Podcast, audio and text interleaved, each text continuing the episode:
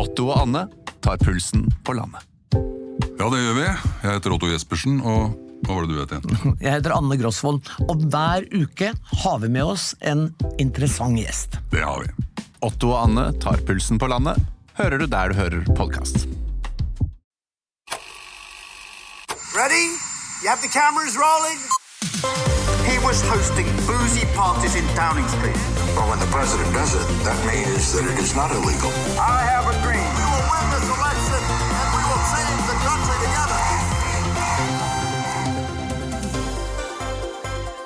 We undeniably face huge challenges. But the good news is that the future may not be quite as gloomy and that mankind already is doing better than many of you think. Velkommen. Velkommen. Mitt navn er Sofie Høgestøl, Og mitt navn er Eirik Bergesen. Og dette er vårt nokså uhøytidelige, veldig personlige forsøk på å gå bak ukas nyheter, lete etter sammenhenger og si noe om fremtiden, på jakt etter det store bildet, slik vi ser det. Hver fredag. Ja, øh, og velkommen tilbake, kjære lytter. Vi kan jo allerede nå røpe at vi er ikke alene i dette studio nok en gang. Nei, altså, um, noen ganger så har du sånn gjester som bare Du, du, du ser det på dem at nå må jeg snart få ordet! Og så reagerer de, og sånn at du får folk skjønne med en gang at her er det noen. Raymond Johansen som vi hadde sist, han er en av de. Ja. Men ved siden av oss sitter en meget disiplinert mann, eh, nemlig Bård Vegar Solhjell. Det jeg er definisjonen på disiplinert. Veldig hyggelig å være her, Johansen. Du leder et byråkrati, Ja, så, så per er definisjon Han så- embetsmann, så nå er jeg bare korrekt venta på tur, mens jeg, i motsetning jeg var politiker. En helt annen karakter. ja, Da hadde du hevet deg, hevet deg på. Da hadde jeg meg på. Da hadde jeg bedt om å få innlede potten.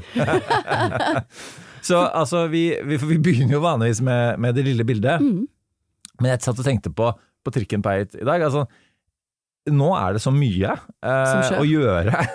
Og som har med at det er mye som skjer i verden, i, sånn som de jobbene våre er eh, lagt opp, eh, Sofie, at, at jeg, har- jeg har ikke gjort noe annet jeg, enn å bare følge med, og jeg forstår, da i realiteten da forbereder meg til dette programmet. Så jeg, jeg har ingen lillebilde. Kanskje er det et sånn meta-lillebilde? jeg vet ikke. Lillebildet mitt er at jeg holdt et veldig hyggelig foredrag på onsdag.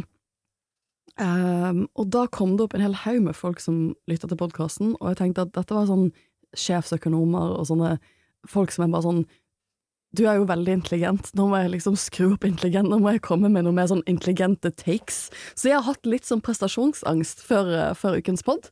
Um, og, og jeg satt på bussen, eh, jeg har hatt noen uh, veldig hektiske uker, jeg skal til Tromsø i, i ettermiddag, for vi skal spille en livepod neste uke. Jeg skal reise opp i kveld for å besøke søsteren min. På Arctic Frontiers, På Arctic Frontiers, så er det behørig tisset. Veldig. Um, men uh, da tenkte jeg sånn, jeg har ingenting intelligent å bidra med i dag. Men da er jeg så glad for at Pål Vegard skal, skal være her. For det at vi, vi ser jo hverandre ofte nå. For Mm. vi sitter jo i hovedprogramkomiteen til Arendalsuka Det gjør vi. det gjør vi, det er Og Kjempegøy. det er kjempegøy. Vi prøver å sette sammen eh, det som skal være hovedprogrammet for Arendalsuka. Ja. Så det er veldig gøy. Så jeg Og Arendalsuka er jo eh, bare så alle Altså, jeg vil jo tro at de fleste som hører på dette, altså people who buy Det gjør de dessverre Altså, ikke, da. det- ja, ja, Listen to this ja. podcast. Also go to Arendalsuka. Ja, sant, og det er det altså, kritikerne vil kalle uh, Norges svar på Davos, men det vi veit er Norges største demokratifestival, berømt som Dansegulvet, som Øystein Djupedal kalte det. Vi lager arenaen, altså kommer alle dit og ja. Men altså, bare sånn på seriøst, det er blitt enormt stort. 100 000 mennesker. Eh, veldig mye mer sånn fra hele landet. Akademia, næringsliv, kommuner, eh, sivilsamfunn, alt mulig. Mm. Over 1000 debatter. ja, Jeg leder mange av de Ja, ja, du, hvert år. Nær 1000 sist, jeg. Nei, da, jeg tuller, men- Det er snart tresifra. Ja, Men- jeg men- tror faktisk vi var oppe i tre, jeg tror det var 1500 debatter eller noe sånt. Det helt- Men for Ja. det var litt det jeg tenkte på på veien hit, at jeg får jo gleden av å se det hver uke nå, for nå jobber vi Mm. virkelig intensivt med dette programmet. Men den mest interessante samtalen på noen måter som jeg hadde på Arendalsuka, det var når jeg ledet en debatt med deg um, om, um, om, om litt sånn status i verden nå, uh, på Arendalsuka for Røde Kors. Mm, det og da sa du ganske mange ting som jeg har tenkt på siden, og derfor er jeg så glad for at du er her i dag. Um, for det at du leder jo uh, Norad, og det skal vi snakke, det skal vi komme tilbake til. Eh, men vi får jo av og til berettiget kritikk for at vi bruker mye tid på USA, vi bruker mye tid på sånn Storbritannia, Russland, stormaktspolitikk, eh, og så glemmer vi litt, eller så får vi aldri tid til å snakke om resten av verden. Men dette her er da en episode hvor vi skal snakke om, vi skal løfte blikket litt enda litt mer, og virkelig se noen av de lange linjene som vi snakket om litt på Arendalsuka. Men du har jo en eh, konferanse, som er litt av grunnen til at vi har invitert deg hit denne uken. Kunne du si litt om det? Ja, altså, eh, vi har Norad-konferansen på tirsdag, som er Norges største møteplass for global utvikling, da, eller eh, eh, bistand og utvikling. Eh, og jeg, jeg har jo gleda meg veldig til å komme til dere og snakke om det store bildet òg, for jeg Altså, jeg eh, er jo eh, Jeg elsker det store bildet. Jeg har liksom alltid drevet med det store bildet. Jeg, ble litt nervøs når dere begynte med det lille bildet. Jeg tenkte, lille, jeg er så dårlig på det lille bildet, liksom. Alltid kritikk på det. Så, eh, men endelig, nå er vi tilbake til, til det vi er Nå er vi i det store bildet. Tilbake til det store bildet, ja. Og Kan, det, du, kan ikke du først bare si hva Norad gjør? Sånn det skal jeg gjøre. Norad er et direktorat, eh, som det heter. Sant? Det er liksom andre direktorater, det er liksom Skatteetaten og, og eh, NVE og eh, ja, masse sånne. Og det finnes det ca. 100 av i Norge, og det er typisk de som gjennomfører politikk, da, kan du si. Akkurat som sant? NVE eh, sørger for regelverket og at det og behandle søknader om utbygging av fornybar energi eller skatteetat, ja, you know, alle vet det. Vi forvalter bistand, eller setter penger i arbeid, da, som jeg eh, liker å si. Sånn, sånn at- Så det du, det du sier er at, eh, at eh, UD prater, og dere gjør uh, jobben? Altså, jeg ville ikke brukt akkurat de ordene. Nei, beklager, Eh, Bård. Nå, nå, på radio, nå, nå avbrøt jeg deg. For at Nei, nei, du, nei, du inne på dette hvor mye Ja. ressurser på en veldig uh, uærbødig måte. For det er det er mye penger som, som skal, skal ut, Mm. eh, som, som, eh, som UD og Norad i samråd finner ut sånn, Det at de skal dumt sagt men tildele. Liksom, en måte. Det, det er jo sånn klassiske arbeidsdelinger mellom et departement og direktorat, Mm. sant, fra andre, som jeg kjenner fra andre steder òg. At departementet lager politikken, er liksom hjelpende til politisk ledelse, stortingsmeldinger og sånne ting.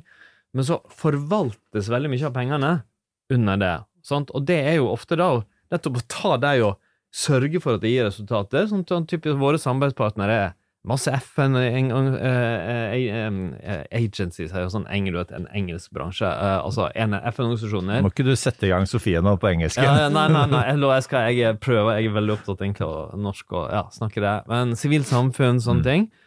Og så jobber vi da eh, med å eh, sørge for at penger brukes på det de skal. For eksempel nå er mat en stor satsing. Sant? Jobber vi mye med å finne hvem er den rette partneren, hva type pengebruk gir beste resultater. Og så følger vi opp og kontrollerer. Det er veldig krevende jobb, det må jeg bare si. Bistandsmidler brukes i ofte av mange av verdens vanskeligste og dårligst fungerende land. Eh, så, vi, så det bruker vi eh, mye ressurser på, er, er viktig. Og til sammen så har vi nå rundt 20 milliarder kroner, så det er jo seriøst mye penger. Men det er ikke all bistand. Sant? Det humanitære, altså det akutte nødhjelp, det ligger i UD, og det gjør òg en, en del andre av de mer politiske tingene, det som går til fredsforhandlinger, den typen ting. Men det, det, det er jobben vår, da. Og det, så jeg, jeg føler på mange måter at det er litt sånn uh, det er som, Jeg var jo politiker før. sånn Liksom, ta den der jeg var der? Og det var litt sånn, Der var jeg veldig opptatt av å mene. Det? Er, det er veldig på det nivået. Nå er det gjennomføring, da. Ja, for du har vært SV-politiker. Jeg har vært SV-politiker. Mhm. Det har jeg. Jeg har allerede klarert med deg på forhånd, eh, eller når vi, rett før da, eh, vi satte oss ned her, og at det kommer et SV-spørsmål Ja. for de som måtte glede seg eller grue seg til det, eh, og som har med partilederstriden nå, men, men som ikke går i detalj på det, men litt mer om du savner politikken. Ja, jeg har det- lang erfaring med sånn feia liksom unna sånne så det, Nei da, jeg Så, så den, den venter vi med Ja. helt til slutt. Men eh, for at det jeg altså, bare for å eh, ta dette på det premisset for at du er her, da. Mm. Altså litt sånn Vesten mot resten. Mm. Vi fokuserer mye på Vesten her. Du jobber med resten. Mm. Eh, Er du litt enig i det premisset, eller føler du at, eh, at egentlig det, det du jobber med, er, er det viktigste Altså, delen av verden? jeg kaller Det du kalte resten, nå kaller jeg hovedverden, da. Ja. Synes jeg sånn, sant? Fordi, ok, liksom, la oss bare La oss et lite øyeblikk prøve å liksom kikke litt på realiteten. Sant? Vi er da liksom typ 0,0015 eh, av verdens befolkning. Men også, hvis vi ser på Europa og USA, så er eh, tendensen er jo at Europas og USAs andel av verden, enten du ser på befolkning eller økonomi eller viktighet, går ned. Sånn har det vært en stund, sånn kommer det til å fortsette en stund. Fleste mennesker i verden, store flertallet bor ikke her. Eh, Økonomisk så er resten av verden som styrker seg. Og hvis du ser på forholdet mellom Kina og USA, altså Kina er nå det landet som har flest utenriksstasjoner i verden, altså den største diplomatiske tilstedeværelsen. Dra til Afrika, der vi jobber med Ikke bare sant, vi jobber i Asia, Afrika, Latin-Amerika, men Afrika mye fordi fattigdommen er størst. Der ser vi nå hvordan land som Kina eh, og India eh, blir viktige, i tillegg til Norge og andre bistandsgivere og USA. Så jeg, eh, så jeg tenker vel at um, bildet vårt altså Det er veldig bra at vi har fått en, utenrik, eller en debatt i Norge der vi forstår USA mer, der vi er mer opptatt av Russland og Kina, er det kommet mer fram. Men en stor svakhet at det liksom har stoppa litt der foreløpig. Og at vi eh, altså Enorme land som Indonesia, eh, Nigeria, største landet på afrikansk kontinent, det kan bli en halv milliard mennesker om, om noen tiår. At det liksom er så lite til stede i norsk debatt, fordi i verden så preger de landene verden nå mye mer enn før. Jeg er jo absolutt skyldig av det selv, men når jeg, når det foredraget jeg holdt på, på onsdag, det er liksom hva er det som skjer dette tiåret her, hva er det som skjer i verden?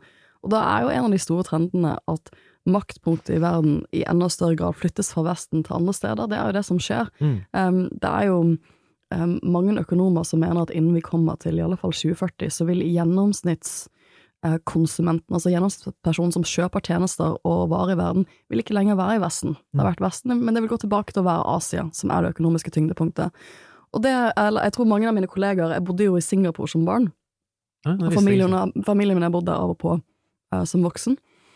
Eh, og jeg tror mange av mine singaporeanske venner vil si at eh, maktpunktet går tilbake til Asia. Det er bare Vesten som har lånt det litt. Hvis du virkelig setter et stort historisk perspektiv Mm. på det, så har ikke, så har ikke um, så har den dynamikken vært mye mer dynamisk. Det, er, det har vært Vesten mye det siste århundret, to århundre. Mm. Men, men vi må jo ikke glemme hele det historiske bakteppet. Og det er jo en av de tingene vi kommer til å føle mer og mer på, da, er at den makten, den litt sånn navlebeskuende makten vi har kunnet hatt i Vesten, den kommer til å svekke seg i løpet av de neste tiårene. Mm. Sånn er det bare. Det er en av de store trendene, og da må vi forstå resten av verden på en litt ny måte, kanskje, eller forholde oss til det på en litt annen måte enn det vi har gjort. Jeg tror det er riktig og veldig godt å høre en leder i USA-ekspert. Dere to er jo bare skyldige liksom, i det her. Dere er jo bare rødme, liksom. Og det gjør vi. Dere er jo to supergode kommunikatorer til å snakke, om. Hvis dere begynte å snakke om Indonesia, så ville sikkert Norge være det landet der vi kunne noe om Indonesia løpet av for in år. Indonesia er et sånt fun fact-land hvor, um, hvor når man leser Jeg er jo ikke økonom på noen måte, men når man leser sånne økonomiske prognoser, så er det, ligger det an til å bli en skikkelig stor verdensledende økonomi. Ja. Når vi snakker om sånn i 2040, hvem er de store økonomiene da, så er Indonesia på de listene. Mm. Og det er en sånn type ting som er altså, jeg, jeg var jo i Indonesia en del når vi bodde i Singapore, og det er rart for meg å tenke på, men det, er, det kommer til å være et ekstremt viktig eh, regional makt og, Mm. og, og, og, viktig økonomisk eh, eh, eh, global spiller i, i Det er riktig, som og det, er litt sånn du sa òg, sant, det der at Altså, det er veldig lange bilder. Så jeg har eh, Asia vet du, Det kan være en podkast-idé for deg, det, ja, det, det er veldig veldig lange bilder, tror jeg. Det, sant? Og klart at så har det vært den, den europeiske amerikanske dominansen vart lenge, som ikke undervurderer det. Og det er heller ikke sånn at alt bare endres totalt. sant? Europa og USA vil fortsette å være dominante og viktige. Men det er en sakte forskyvning. Så jeg tror at vi ville forstått det bedre, hvis vi i hvert fall var det mer balanse eh, mellom det. Og, og kanskje særlig det sånn, Kina føler jeg, der er det på vei, som jeg syns er altfor lite Kina-kompetanse i Norge, så er det på vei. Men det er kanskje nettopp den typen land du, altså, Indonesia, Brasil, Nigeria, Sør-Afrika, India, noen til, som er store og viktige spillere, eh, eh, og som òg er utviklingsland. For eksempel Indonesia og Brasil er kjempeviktige samarbeidspartnere for oss, som, som folk i Norge har enormt lite kunnskap om. Og så vil jeg også trekke fram det afrikanske kontinentet, der jeg tror det er mye fordommer. Altså jeg, og, og om bistand. Altså jeg tror mange tror eh, Afrika er liksom eh, veldig fattig, det er bare stakkarslig, alt går galt. Det, det er faktisk ikke riktig. Afrika er et kontinent der veldig mye spennende skjer, eh, der eh, noen land har klart å utvikle seg enormt, der det har vært store framganger som er dynamisk, mangfoldig, eh, kolossalt stort. Men det er òg et kontinent med, eh, som blir tøft rammet av klimakrise og stor fattigdom. Og de, de nyansene mangler totalt i debatten. Det, det var en eh, liten sånn diplomatisk skandale den eh, er det nå nylig, eh, hvor eh, den tyske ambassaden, eh, eller tysk UD, skulle prøve å, å ta russerne eh, for, at Lavrov sk, skulle rundt i Afrika eh, og skulle på en måte shame han på en eller annen måte, og så la de inn en sånn, en sånn emoji med en sjiraff. Mm. eh, for å måte beskrive Afrika. På en måte. Og så fikk, han, fikk, han knall, fikk de da knallhard kritikk tilbake fra afrikanske ledere. Men sånn, er det det dere tror om oss? At vi er sånn land hvor det går sjiraffer i gatene? på en måte? Eh, og, og, og, det slo tilbake da, eh, på, på tyske diplomater. Eh, og altså, hva, hva, hva tenker du, Bård Vegar, er liksom den største misforståelsen? da? Det er det er på en måte vi ikke vet om Afrika, vi som ikke følger Afrika like som, som dere i Norad gjør? Altså For det første så veit vi ikke at uh, mange afrikanske land er store, sentrale, spiller en rolle i verden og har utvikla seg ganske mye de siste tiårene. Eller ta to land som Kenya og Ghana, da, som er regionalt viktige, jeg. Eh, altså, Kenya sånn omfattende mobildekning, store private selskaper, Nairobi er en viktig hub. Ghana var et kjempefattig land, men har hatt nå et stabilt demokrati i snart 30 år. Mange ting å utsette på styresett, men har utvikla seg, blitt mellominntektsland, eh, osv. For det andre så, så veit vi for lite om eh, eh, nyansene og størrelsen. Sant? Vi snakker ofte om det som et land, nesten. Mm. Afrika er et enormt Altså, Kongo alene, landet Kongo, eh, er omtrent like stort som Vest-Europa i areal. Og det er ett av 54 land. Det, er et enormt kontinent med kolossale forskjeller og varianser sånn fra nord til eh, helt til sør. Og så tror jeg òg at um, uh, vi ofte undervurderer utviklingsnivået. Altså Hans Rosling og hans sønn Ola Rosling jeg synes jeg er eminente på det. det og at vi, og som egentlig vi får fram at, litt at vi alltid tror det går dårlig. Sånn, vi tror det er flere som har drept enn før, eh, myrdet enn før, flere dør i trafikken, men det motsatte er sant. Og, og vi undervurderer utvikling og endring, og, og i mange afrikanske land er kommet lenger, sjøl om det òg er utfordringer. Så skal jeg bare si der, sant, det jeg syns er vanskeligst nå, at jeg har jo i i flere tiår nå, så er det en slags sånn øvelse jeg har, altså det er å fortelle at det går ganske bra i verden, for det har gått veldig bra i verden.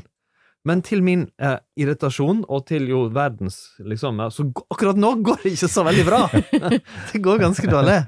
Eh, så det, det er jo òg det er en viktig del av bildet nå. At det er grunn til uro akkurat nå. Ja, kan jeg bare Jeg vet at du skal spørre om eh, straks, Erik, men jeg vil bare si at jeg, jeg bodde et halvt år i Vest-Afrika etter videregående. Hvilket land, da? Senegal. Ja. Og det var helt Så vi har bodd i alle steder. Så alt alt som kommer opp Ja, jeg bodde noen år der. eh, Det er studert litt der. Jeg har faktisk eh, min derfra. Um, Det er det fine med å ha Sofie i studio Ja, på det store bildet. Men jeg, altså, jeg elsker Senegal. Elsket å bo der. Eh, utrolig spennende land. Mm. Um, eh, et av de få landene i Afrika som ikke har vært eh, gjenstand for et kupp. De har Mm. egentlig greid den transisasjonen over til demokrati på en ganske grei måte, så er det selvfølgelig et blandet bilde til tider. Men de er jo også en, eh, en regional viktig makt. De har, ganske, de har, de har hatt et ganske eh, interessant lederrolle i internasjonal strafferett, uh, hvor de har hatt en del diplomat som har ledet den internasjonale straffedomstolen. Um, de lagde en eget uh, straffeoppgjør mot den tidligere diktatoren i Tsjad for noen år tilbake, som liksom begynte å røre på seg da jeg bodde der i 2005. Um, og det er akkurat det da, det sånn, de, de, de, de spiller en ekstremt viktig rolle som jeg, jeg tror det er så lett å se bort eller ikke forstå det, og ikke ta med seg. Jeg synes også, jeg, jeg tror et av mine klareste minner fra å bo i Senegal, var at jeg hadde bodd der noen måneder. Um, og så, var det, så kom det en eller annen sånn nyhetsmelding. Jeg satt på en internettkafé for å sjekke om jeg hadde kommet inn på universitetet. For da, da skulle jeg liksom få svar fra skolen i England om jeg, om jeg hadde kommet inn. Og så var det en sånn nyhetsmelding om som et eller annet sånn ja, verdens fattigste land har fått slettet deler av gjelden sin. Og så var Senegal på den listen. Jeg var sånn Men Senegal er jo ikke så fattig, ikke sant? For da hadde jeg du, du, du, det, det var sånn virkelighetsbeskriv Det å også lese en del nyhetshistorier over det bare sånn Men jeg er her, og sånn er det ikke. Uh, det er som, som en sånn grovforenkling av, av, uh, av forholdene. Og noe av det morsomste jeg gjorde mens jeg bodde der, var at jeg, jeg, reiste på sånn stor rundreise hvor jeg var innom Mali, Burkina Faso og Ghana. Mm. En utrolig spennende land Ghana hadde. Det var veldig spennende å se alle forskjellene, for det er jo så store regionale forskjeller. Jeg har aldri vært utenfor Vest-Afrika. Um, og så var vi i Togo, eh, Togo og Benin, og så gjorde jeg feltarbeid for doktorgraden min i Sierra Leone. Og det er akkurat det, liksom, de store regionale forskjellene innad i Vest-Afrika. Og så kan jeg bare tenke meg hvor forskjellig det er igjen hvis jeg skulle reist til et sørafrikansk land. Men igjen, den, det, det er så lett for oss å snakke om det som en enhet, eh. når det ikke er tilfellet. Og Altså, det du får veldig framgått godt fram nå, det er en ting er de store, enorme forskjellene i Afrika, men òg innad i landene. sant? det er jo det, sant, Ekstrem fattigdom fins i Senegal og i Ghana og mange andre snakker om nå. Drar ut på landsbygda, langt til periferien, så vil du finne sånn veldig gammeldagse jordbruksmetoder. Virkelig fattigdom. Så er Dakar hovedstaden òg en liksom bare sant, en metropol Utrolig spennende by. fullt av liksom, spennende uteliv og, og, og litteratur Musikk, og musikk altså, og det Husondore utrolig, altså, utrolig rikt um, uh, musikkmiljø. Ja, og det er vel også sånn, Hvis jeg en sånn råd skulle gi folk som er interessert i et nytt land, et nytt kontinent, sjekk ut kulturen. sant? Altså, Afrika har, er for eksempel full av fantastiske forfattere. Utrolig rike og forskjellige arter av musikalske tradisjoner. Akkurat nå driver jeg og hører på eh, boka En halv gul sol av den nigerianske forfatteren Shimamanda Ngozi Adichie. Som er altså en absolutt fantastisk Hun er jo en av de største forfatterne i vår tid. Hun er jo noen og- år eldre enn meg, og, og bare Ja. Men hun, hun er så kul at hun har vært i en Beyoncé-sang. Det var sånn jeg fant henne. Hun. For ti år siden! Eh, Beyoncé siterer henne i en sang Den kom vel ut for sånn, eh, for sånn eh, om feminisme. Hun siterer hennes definisjon av feminisme. Er en sang som kom ut for sånn åtte år siden. Kronemarked hos Bar. Nå har vi en mengde varer til 10 og 20 kroner. Hele denne uka får du løbiff fra Folkets før 54,90, nå kun 20 kroner. I tillegg får du et utvalgt Vasa knekkebrød, før fra 16,90, nå bare 10 kroner. Alltid tilbud på noe godt. Hilsen oss i Spar. Og så slår det meg, nå kan jeg tilbake til Norad-konferansen, så var det dere egentlig spurte om. Og nå er jeg blir, jeg blir Det er ikke sånn denne podkasten funker. jeg kommer tilbake på jobb hvis jeg ikke sier litt om det. Og, det, nei, for det var der vi er, og jeg kom på det nå på grunn av Ngozi, mellomnavnet hennes Ngozi, fordi eh, WTO-sjefen, som heter Ngozi, er blant de som skal tale på tirsdag. Og det, sånn, det vi har, altså Temaet vårt, inngangen til det, er mye av det vi har snakka om nå. En verden som har gått veldig bra og framover i tre tiår, men der covid, eh, men òg krig og konflikt, altså angrep på Ukraina, men òg mange andre konflikter, som har blitt flere av, de siste årene, og selvsagt den lange utviklingsødeleggen som er klima. De tingene har på en måte snudd tingene, så de siste årene har fattigdom økt, færre går på skole, flere ble, kom, eh, ble tatt ut av skolen av covid, som eh, kom ikke alle har ikke kommet tilbake igjen. Mange utviklingstrender har gått litt i negativ retning de siste årene, så det, det tiåret vi nå ser, der, det, det, det sliter mer enn de forrige, og det, det tematiserer vi der da med en serie internasjonale stjerner, og meg og noen andre. Ja. Eh, og, og det som er interessant med, med Norad-konferansen, Bård er også der dere gjør på en måte opp, er det riktig å si, litt sånn status for altså verdens framgang og skråstrek tilbakegang i løpet av året? Enda mer presist enn jeg klarer Ja, det, det var ganske presist, rett og slett. Det er det vi gjør. Bare dytt inn i taglinen. Ja. Det rekker det. Eh, Nei, men også og, og, og det jeg, jeg fikk lov til å lede denne konferansen midt i pandemien. Det var kanskje da jeg husker jeg satt i hvert fall alene i et studio, og du satt Ja. kanskje hjemme, så vidt jeg husker. Um, og, og dette var, var jo da pandemien var i gang, um, og det, selv det hadde ikke bulka din optimisme for mye, i hvert fall. Mm. Og du holdt en uh, husker jeg, ikke bare den, den, din innledende tale, men det som også, i- førte jeg gjennomsyra av mye av konferansen nå, var jo akkurat den optimismen du, du peker på. ikke sant? Det, Hans Rosling, Factfulness, Steven Pinker, Indictment Now. Det er jo mange, mange andre, andre stortenkere også, som, jo, som er, ikke bare har tenkt, men har funnet fram fakta som, som viser det. Um, eh, men så er liksom spørsmålet mitt nå da, er, er i og du du er inne på det, eh, at, at selv, selv du, eh, som er så optimistisk eh, s- i, Nå er det vel noen, noen trekk, og du nevnte krig, krigen som har kommet, og pandemien som jo har fortsatt, eh, som gjør at vi rett og slett Ja, det er, det er ett skritt tilbake i år, eh, og, og kanskje vi må vente litt før det nye skrittet fram kommer. Altså, jeg, jeg bruker å si at at jeg er liksom langsiktig eh, optimist og håpefull, men kortsiktig ganske pessimistisk. Ok. De store, lange trendene er at sosial og økonomisk framgang og teknologiutvikling osv. kan skape enorme forbedringer, og har gjort det. Jeg tror det kommer tilbake igjen, og altså, jeg tror det er den, lange linja. Men eh, nå er det det har det motsatte skjedd, og det vi ser er, som jeg sier, altså økt fattigdom og, og en del sånn tøffe tendenser, men òg en ting som er annerledes enn det har vært det siste tiåret, nemlig at ulikheten mellom de rikeste og de fattigste landene øker. I ganske mange land nå har det vært motsatt. eh, i ganske mange år. Men covid gjorde nok at eh, sant, alle fikk en trøkk, men vi klarte å komme oss ganske raskt tilbake igjen. Mens fattig, de fattigste landene står fast og har ikke fått i gang veksten igjen. Så, bare skal jeg si, så, så er jeg sånn, Alle snakker om klima, men jeg, eh, ofte om oss sjøl, og vi alle rammes av klimaendringene. Vi må forstå at altså, klimaendringene er en, noe av den mest dypeste urettferdigheten som det rammer. For de som har skapt problemet, eller vi, da, sant? rike land, i stor grad, og nå en del mellominntektsland, vi får litt konsekvenser av det, men de største konsekvensene vil være de aller fattigste landene, typ i Sahel-beltet, Øst-Afrika, Midtøsten, som òg har minst, minst nesten ingen utslipp, og minst ressurser til å håndtere det. er vel det rammer matproduksjon, økonomisk framgang, den type ting. Mens her blir det bare finvær av her, klimaendringene. ja, sant, her blir det litt færre skidager og sånn, det er synd, men liksom, ja, det er et litt mindre problem. Ja, for um, jeg leder jo bærekraftskonferansen til UB, som skal Ja. gjøre en om, om to uker. Det blir veldig gøy. Du var der i fjor. Ja, jeg husker uh, det. og det, da var jo temaet ulikhet, og det, det er jo litt det at nå begynner vi å få et, som du sier, et klarere perspektiv på hvordan covid traff verdensøkonomien. Og det man ser, altså FN har jo gjort studier på dette nå, det de ser er at eh, rike land som Norge, vi, vi, vi hadde en ganske sånn fort bounce back, eh, mens de fattigste landene i verden har blitt fattigere. Mm. Det, det har truffet veldig, veldig skjevt.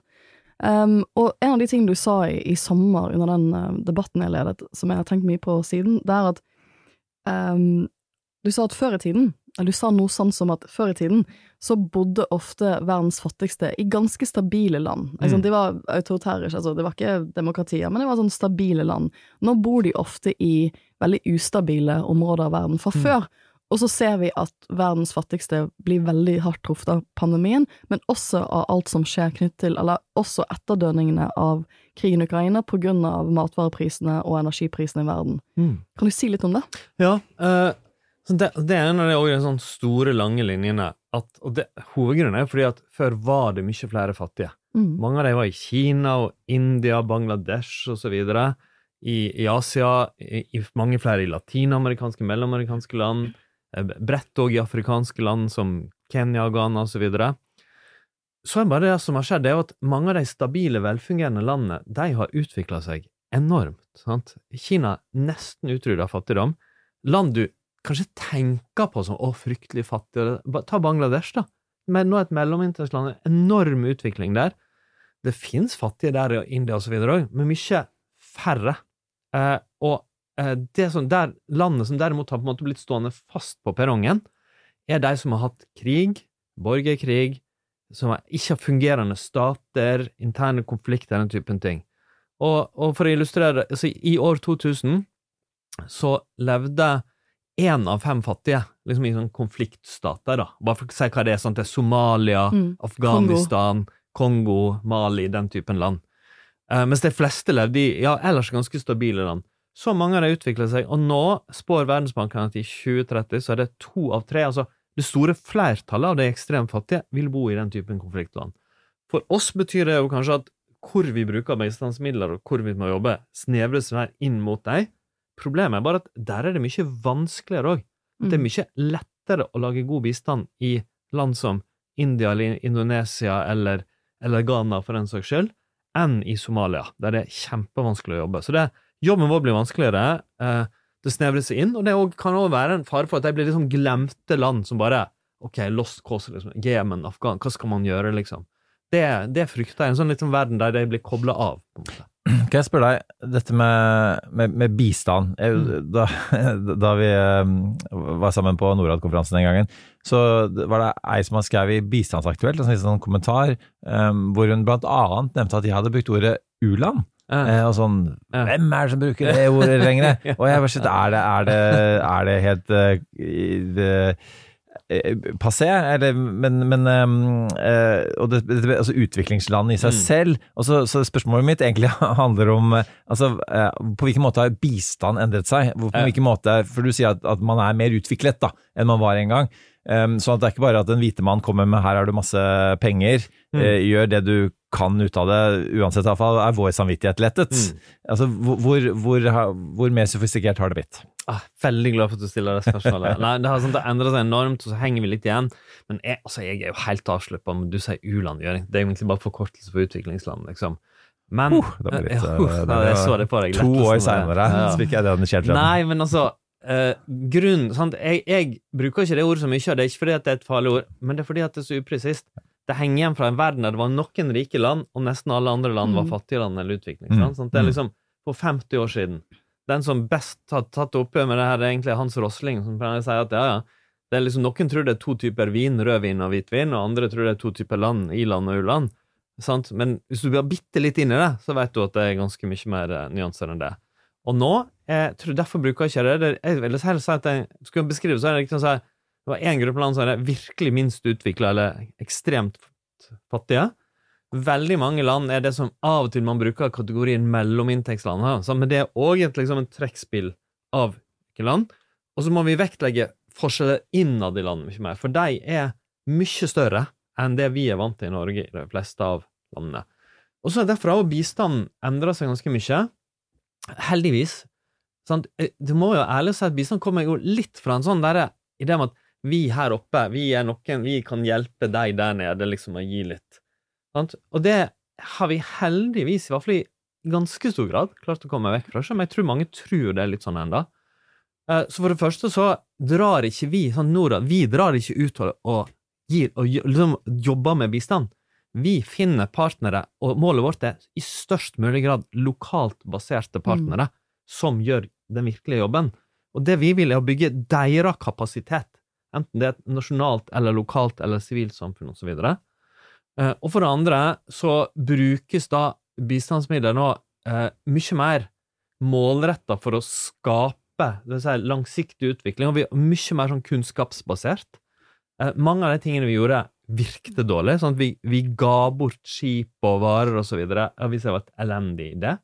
Så Hvis jeg får nevne så én ting da, som vi nå kunnskapsbasert vi anbefaler, Norge gjør en del av det, eh, vi mener vi kunne gjøre enda mer sånn faglig basert, det er kontantoverføringer. Mm. Eh, det er masse, tung internasjonal forskning, masse sånne effektevalueringer over tiår viser at i ganske mange settinger så er det å lage enkle kontantutbetalingssystemer noe som har veldig stor effekt mot fattigdom. Sant? Det er lite byråkratisk, det er veldig effektivt. Og så trodde man kanskje at nei, nei, penger, folk får penger for å bare drikke det opp eller gjøre et eller annet. Men nei da, hvis du er veldig fattig og får litt, så bruker du det på det mest grunnleggende. Mm. Mat, og så videre. Og det er viser det- forskning. Det viser forskning, Mm. og ikke bare sånn litt massevis av kontrollerte eksperimenter og forskning i ulike kontekster. Og så har du for eksempel, i forhold til det da, å fly inn mat, for eksempel, så har du den positive effekten at da kjøper man i det lokale markedet istedenfor det, så du stimulerer det. Så det, en, det gjøres nå en del, god del av det i humanitær bistand, altså i den akutte. Vi ønsker å gjøre det mer òg. Det er jo, og det er jo historien om Norge er jo altså, Vi har jo barnetrygd og, og pensjon, og det er jo kontantsystemer innenfor Ja. velferdsstaten. Mm. Så det kan òg bygge grunnlaget for velferdsordninger, og det, og det er veldig sånn, bra for å målrette mot de aller fattigste. Du- du- du hørte noen der bare holde på, men jeg skjønner liksom at vi må jo Ja, vi, vi må videre. Ja, altså, men, altså, nei, men altså, vi, vi, vi kunne jo sittet her mm. veldig lenge. og eh, du burde en dag lage podkasten Det lange bildet, hvor man snakker enda mye lenger enn det vi gjør, eh, om enda lengre trender. Kan jeg bare Det har jeg lyst til å et høre. siste spørsmål? Jeg vet at du må du, Ja, men jeg, men jeg, har, jeg skal ha et spørsmål. Okay, okay, Ja, ja, ja. selvfølgelig. Jeg klarer ikke å avslutte ordentlig. Så på- Bårdveien kommer til å bare måtte løpe Ja. ut døra her Da, må uten en avslutning. Ja, fordi, men for spørsmålet er nemlig eh, eh, dette med Uh, altså ide, den idealismen som tross alt ligger da i at vi ønsker å hjelpe. Uh, og, og vi hadde uh, norske tilstander i går om Sikkerhetsrådet, Ja. og en, en veldig pasjonert eh, og engasjert mm. FN-ambassadør, Mona Juel, som, som midt i alle de problemene som, som verden har, og, og- Norge er et, er et lite land som nå har hatt makt i to år, nå går vi ut av Sikkerhetsrådet. Hva, altså, måte, eh, det er den idealismen som tross alt ligger der, og det, og det er jo noe som har, har drevet oss både i FN og, og som bistandsaktør, er at vi vil faktisk hjelpe Mm. også. Det er ikke bare at vi skal altså Det er ikke bare en sånn instrumentell, Mm. mekanisk, Du vi skal overføre noe penger. Kan ikke, du- du snakke litt om idealismen til slutt? Jo, jo, det kan jeg, og du kjenner, du har jo eh, vært diplomat tidligere, så du kjenner også litt sånn det der som det kan sånn føles som ja, idealisme mot realisme som en motsetning, og så Ja. Min, min erfaring, litt nå, men kanskje mest fra da jeg var politiker, at den i stor grad er litt feil. Sant? Det er ikke det er ikke en sånn at vi må enten velge å passe på helt oss sjøl, liksom realisme bare, sånn, eller liksom bare hjelpe andre og være dumsnille. Tvert imot så er min erfaring at det at vi har en god porsjon idealisme, er kanskje det som gjør oss mest interessante for andre. Norske bistandsmidler, det at vi er en av få land som bruker 1 det er en asset. I tillegg til at det er solidarisk og etter mitt syn fornuftig, så er det noe som gjør oss viktige og gir oss en inngang andre steder. Jeg mener det samme om sikkerhetsrådsdeltakelsen. Det gjør oss interessante og viktige for andre. Eh, og det at vi også, sånn, det at vi bidrar, samarbeider med andre om forsvar, vi har bidratt til internasjonale operasjoner, er litt av det samme. Så jeg, eh, jeg tror for et bitte lite land, som kunne vært litt uinteressant, så er idealismen, i tillegg til å være bra i seg sjøl, noe som uh, er viktig for oss og våre interesser òg. Ja, for det, det er jo litt det, når jeg, um, Som sagt, jeg reiste rundt i Vest-Afrika det, det halvåret jeg bodde der, og jeg er overrasket over at Mali er den stasjonen de er i nå, etter Mm. det jeg så i 2005. Ikke i det hele tatt. Og da er vi liksom tilbake til det du sa, at mange av verdens fattigste bor nå i såkalte failed states. Um, hvor det er, som du sier, vanskeligere å vite hvordan man skal effektivt kunne gi bistand og jobbe med de, når det er styresett rundt som ikke fungerer og staten har brutt sammen på det nivået som det har gjort. For Mali har jo vært eh, Det har jo siden vært eh, terror, da, da Frankrike har jo vært inne med, med, Mm. med militær men det er jo ikke noe løsning på, på situasjonen i Mali enn så lenge, det har pågått i mange, mange år nå. Um, men da er jo mitt spørsmål til deg, er er det noe du For dette går inn i det store sånn demokratitrenden som vi ser også, at det, altså styresett under press. Og jeg tenker jo veldig på at hvis vi ikke tar tak i en del av disse failed statesene, så kommer det, det kommer tilbake, det kommer, it's gonna come back to haunt us om 10-20-30 år. For vi må alle leve i denne verden, da er vi tilbake til idealisme. Det er ikke bare idealisme, vi skal alle leve sammen i denne verden, Mm. mest fundamentalt. Og hvis du har en del land hvor, som, som, som du sier har bare kjørt seg helt fast, så vil det uh, bli et, Det er jo et moralsk problem, men det blir jo også et sikkerhetspolitisk problem etter hvert. Mm. Hvordan, tenker du, hvordan tenker du at vi må, må legge om litt måten vi tenker om disse statene som har kjørt seg fast? Er det noe vi kan gjøre, eller, eller er det nok fokus på det? Altså, altså det, var så, det var så godt resonnement at det er fristende å ikke ødelegge det, men, liksom, men jeg bare sier jeg, jeg vurderer det på helt samme måte.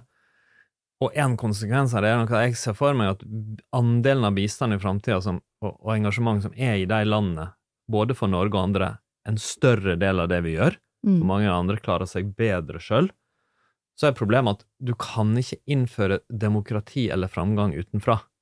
Enhvert land må eie sin egen utvikling, men du kan kanskje bistå.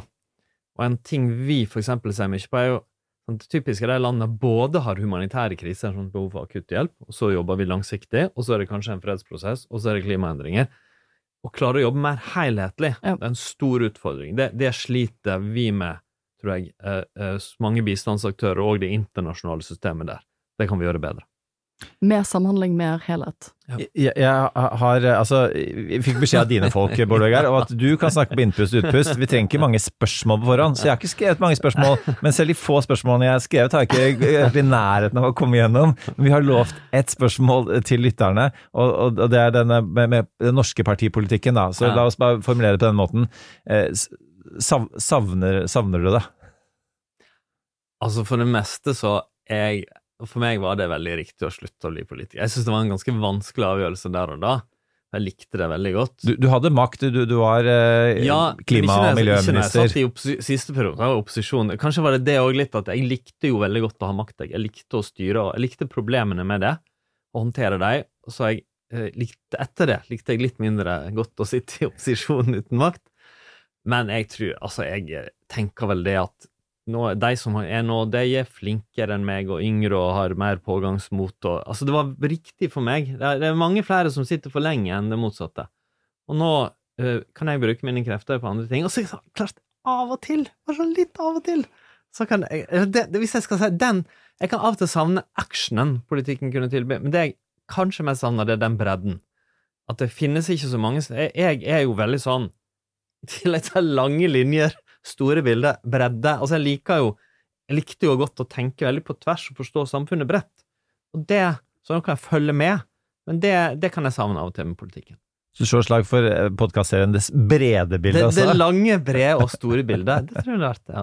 Og det har vi utrolig nok rukket på ganske kort tid, og det, vi må jo bare ha deg tilbake. Ja, du har gitt oss det er masse jo, å tenke er jo på. ingen tvil om. Og, og, eh, for, eh, de som har eh, eh, kritisert oss, det kan være enten at vi snakker for fort eller for lenge, noen ganger for kort òg, men er ofte, ofte kan det være sånn her Ja, men hva med resten av verden? Eh, Og noen av de jobber i Norad òg, for øvrig, Bård Ja, sikkert, du vet hvem dere er. Ja. men, men det var så deilig å få det innblikket. Eh, Vi gjør for lite av det. Vi skal gjøre mer av det. Du må eh, tilbake. Rekker vi Du kom med én bokanbefaling Ja. yeah. smatt Ja, inn, inn der, for du skjønte at du kom til å ha dårlig tid. Vi må gjøre ukens av- og påkobling, og du skal få lov til å starte.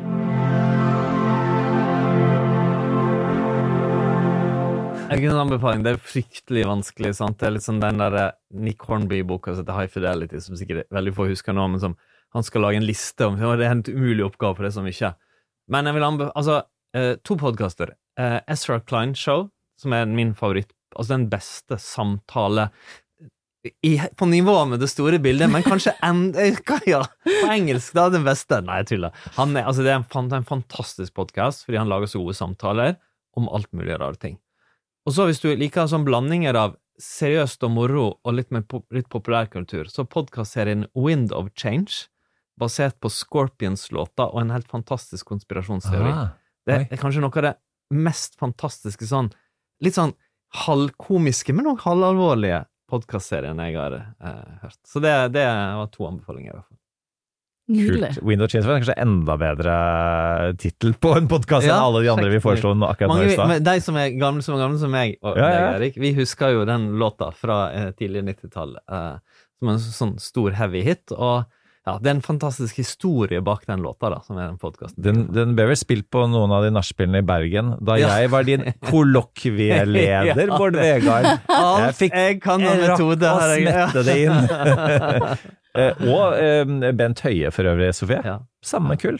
Ja. Altså, altså et kull. Du, som omtaler oss i boka si, har du sett det? Nei! Nei, det, jeg, det fikk jeg tips om her, så jeg bare jeg har ikke uh, kikka på det. Omtales i positive negative vendinger. I positive ordelag, så du kan trygt slå det opp. Ja. Oi, du verden. Da anbefaler vi også den boka. Den tøye. Det var det som skulle til.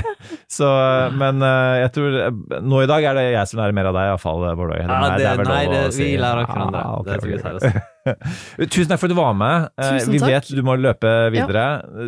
Lykke Norad-konferansen er mulig å følge på stream òg, eller? Den er, den er altså stappfull og, Ja. og med venteliste og alt, så du kommer ikke dit fysisk på tirsdag nå uten at du har meldt deg på eller står på en venteliste. Men følg den på streamen. Gå inn på norad.no. Eh, går fra ni og utover på tirsdag og har kjempespennende program. FNs visegeneralsekretær, WTO-sjefen, Vanessa Nakate, en ledende klimaaktivist fra Uganda, eh, og andre nasjonale og internasjonale navn. Altså, jeg, jeg ble jo spurt om å lede en samtale på, på konferansen, så er vi jo i Tromsø, og jeg er fortsatt så lei meg, for det, det programmet ser så bra ut. Mm. Og det at man kan gå inn og streame det, hvis man er interessert i de virkelig store lange linjene, så hadde jeg absolutt gjort det på tirsdag. Det blir kjempespennende. Så eh, lykke til med det, Bård Vegard. Um, det, min anbefaling denne uka her er for øvrig dine bøker. Eh, altså fordi, eh, for du er jo en, ikke bare boklesende, men bokskrivende person. 'Jakta på makta'. Kjempegod oppskrift i de som ønsker å påvirke makt. Eh, og så er jo boka 'Uro' står seg jo fortsatt, men det som er interessant med det, var at den ble skrevet i en ganske rolig tid. Ja, altså- det er en del år siden. Og så, da. så kom NHO-konferansen her og uro, og jeg var litt sånn eh, Ok, liksom. Meg? Hallo? Husker ingen liksom, liksom Nei, jeg tuller. Men Skårderud Ja, jeg hadde uro. Ja, han hadde enda uro. før deg, men jeg fikk en SMS fra en venn som sa Ja, kanskje du burde snakke med henne om å selge boka di, liksom. Nei, men jeg skrev, Jo, men det det, var fem år før, Ja. og det er sånn at jeg Ja. skrev den uh, fordi da det var sånn, Mange av de tingene vi snakker om nå, som nå er veldig tydelige, var på vei da. Og for eksempel demokratiendringene var gradvis mm. det Sofie kjenner du veldig godt til. Det, det kunne man se allerede da. Og så eh, utfordringer med migrasjon, migrasjon, innvandring, mer konflikter i Europa. Så la oss, hei, la oss bare La oss si det sånn at jeg var litt tidlig ute, da. Men var urolig for fem år siden, hva er du nå da? Nei, jeg, altså jeg er født Jeg er jo egentlig en optimistisk person, så, men jeg, jeg, nå er jeg hva kommer etter uro? Bekymra? Ja. Alvorlig bekymra? Nei, det, det, det er veldig tøft nå. Altså, det er ordentlig, står ordentlig vanskelig til med verden, men det lange bildet er at menneskeheten har det i seg å løse enorme problemer. Verdenskriger, pandemier, you name it. Klimaendringene. Klimaendringene. De er, de er enormt vanskelig, for de er så store og breie, men vi har det i oss å klare det. Så jeg er en slags sånn empirisk optimist. Vi, vi, vi har klart å få det til å høre, vi har enorme muligheter til det, men nå er det krevende. Det sammensatte bildet er det det vi har presentert nå, tror jeg. Ja, Tusen takk, Bård Vegar, for at du hjalp oss med det har hjalp gitt oss masse å tenke på. Vi gleder oss til å tune inn på tirsdag.